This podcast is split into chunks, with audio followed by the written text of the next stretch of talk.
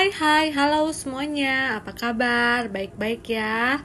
Uh, Yakin Tuhan Yesus selalu memberkati kita apa pun kondisi kita. Mungkin boleh sakit, atau lagi ada beban berat.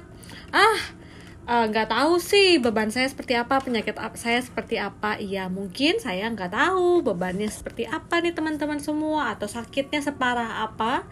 Yang saya tahu Tuhan kita itu lebih besar dari semua penyakit dan permasalahan yang ada. Nah hari ini sesi kali ini di Sister Talk saya pengen sharing tentang um, karir. Aduh karir. Berarti untuk yang bekerja ya ya saya masih sekolah kak. Nggak usah deh nggak usah denger nah sama juga nih.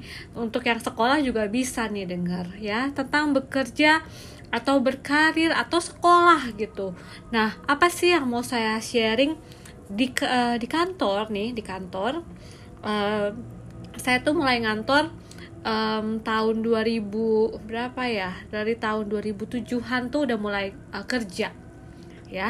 Pindah-pindah pekerjaannya tapi uh, bersyukurnya dan ini bukan uh, untuk sombong tapi ini kesaksian um, teman-teman tuh suka bilang uh, yes kenapa sih uh, kamu itu kalau kerja selalu semangat? Selalu kalau ngerjain apa-apa selesai. Gak pernah setengah-setengah. Kenapa sih kamu itu kalau kerja uh, selalu beres? Ya dan selalu hasilnya tuh uh, excellent nggak yang apa namanya biasa-biasa aja. Nah saya mau sharing nih. Saya pernah nggak sih uh, males-malesan? Oh pernah. Ya jadi ada nih satu pekerjaan yang sebenarnya saya nggak suka-suka banget tuh uh, pekerjaan itu. Saya nggak senang tuh pekerjaan uh, di bidang itu. Tapi karena saya baru awal karir masa saya nolak-nolak kerjaan ya? Kan bukan bos. Jadi tidak bisa menolak pekerjaan jadi saya cukup setengah hati untuk mengerjakannya. Sampai sampai saya ketemu satu sahabat di kantor tersebut ya. Um, sahabat saya ini nih uh, bilang, yes, kamu itu tahu nggak kenapa kamu masuk ke kantor ini? Gak tahu sebenarnya saya.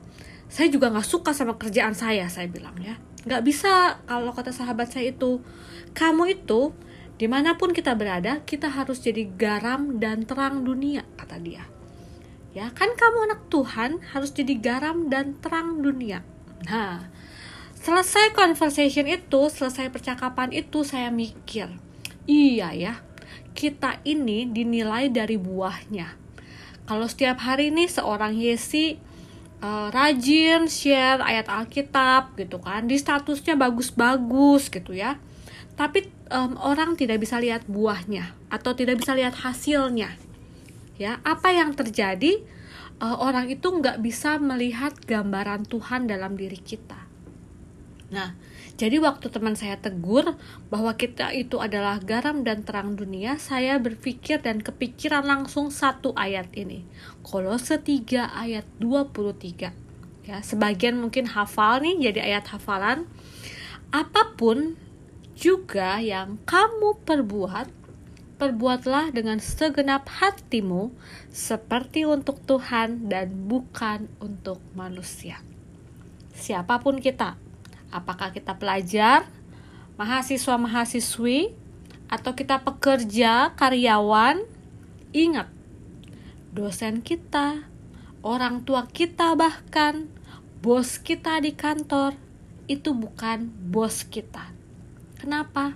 Karena ayat ini jelas bilang seperti untuk Tuhan. Ya.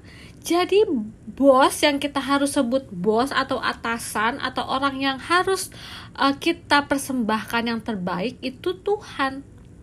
Bukan bos kita, bukan orang yang kelihatan di dunia ini tapi untuk Tuhan. Nah, seperti apa sih yang harus kita lakukan untuk Tuhan? Nah, pasti yang terbaik dong Kenapa? Karena Tuhan itu udah kasih yang terbaik buat kita. Yaitu apa? Yaitu penebusan dosa. Di Kalvari, di kayu salib, Tuhan bilang sudah selesai. Artinya dosa kita udah diampuni, dosa kita itu udah gak ada lagi. Kita itu udah bisa disebut anak-anak Allah dan berhak masuk ke dalam kerajaan surga yang kekal. Nah, itu tuh udah yang terbaik banget Tuhan kasih sama kita hidupnya. Nah, makanya sekarang apa kita mau kasih yang setengah-setengah buat Tuhan? Oh Tuhan, saya mau kasih yang terbaik sama Tuhan. Tapi kalau uh, kerja terlambat melulu. Nah, saya mau kasih yang terbaik buat Tuhan. Tapi kalau uh, kuliah gitu kan uh, dapat nilainya nggak bagus mulu ya kenapa? Karena dibilang perbuatan dengan segenap hatimu seperti untuk Tuhan. Ya sejak saat itu makanya kalau dibilang yes kok kamu ngerjain apa-apa selalu excellent selalu terbaik. Aduh sebenarnya kalau mau ngikutin hati ya suka juga nih um, apa namanya uh, suka juga nih males suka juga nih pengennya setengah-setengah ah males lah gitu kan. Buat si ini nih udahlah ini mah yang biasa-biasa juga bisa. Nah jangan. Kenapa? Karena yang harus kita persembahkan itu bukan manusia yang kelihatan tapi untuk Tuhan. Ya jadi kalau ditanya yes um, apa rahasia misalnya bisa berkarir dengan baik? Ya cuma satu ayat ini. Apa pun yang saya perbuat harus diperbuat dengan segenap hati, seperti buat Tuhan dan bukan untuk manusia. Ya, jadi kalau kadang saya males, oh sering banget saya males gitu kan, ah ribet dah gitu kan. Nah itu eh, nggak uh, boleh. Kenapa? Ya karena kita lakukannya buat Tuhan. Ya, jadi kalau kita di kerjaan nih gitu kan sebel banget sama bosnya bawel gitu kan suruh kerjain ini itu ya udah apakah kita harus jadi kerjainnya setengah-setengah? Ya enggak. Kenapa? Ya untuk Tuhan.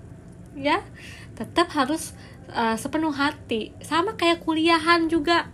Ah bisalah belajar nanti-nanti atau yang di SMA lah bisa lah belajar nanti-nanti gitu kan? Ya bisa sih. Tapi kalau kita mau persembahkan untuk Tuhan harus yang terbaik. Tuhan aja udah kasih yang terbaik buat kita. Nah makanya jangan setengah-setengah ya. Selalu uh, ada ini kan ada uh, satu quotes yang bilang uh, do your best and let God do the rest. Yang penting kita udah terbaik dulu. Gagal bisa bisa jadi. Karena hasil itu bukan urusan kita. Yang penting kita sudah lakukan part kita yang terbaik. Jadi, kalau ada yang tanya, tips sukses berkarir, tips sukses di pendidikan itu apa? Lakukanlah segala sesuatu seperti untuk Tuhan dan bukan untuk manusia. Jadi saat kita diterima kerja nih, atau sekarang yang udah kerja, ingat kata-kata ini. Ya, soal promosi, soal gaji, naik jabatan, itu Tuhan yang atur.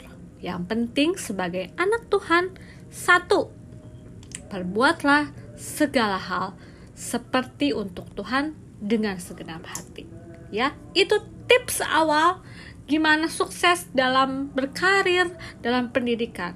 Ya, lakukan segenap hati. Sampai ketemu lagi, Tuhan Yesus memberkati. Di dalam Tuhan Yesus ada damai.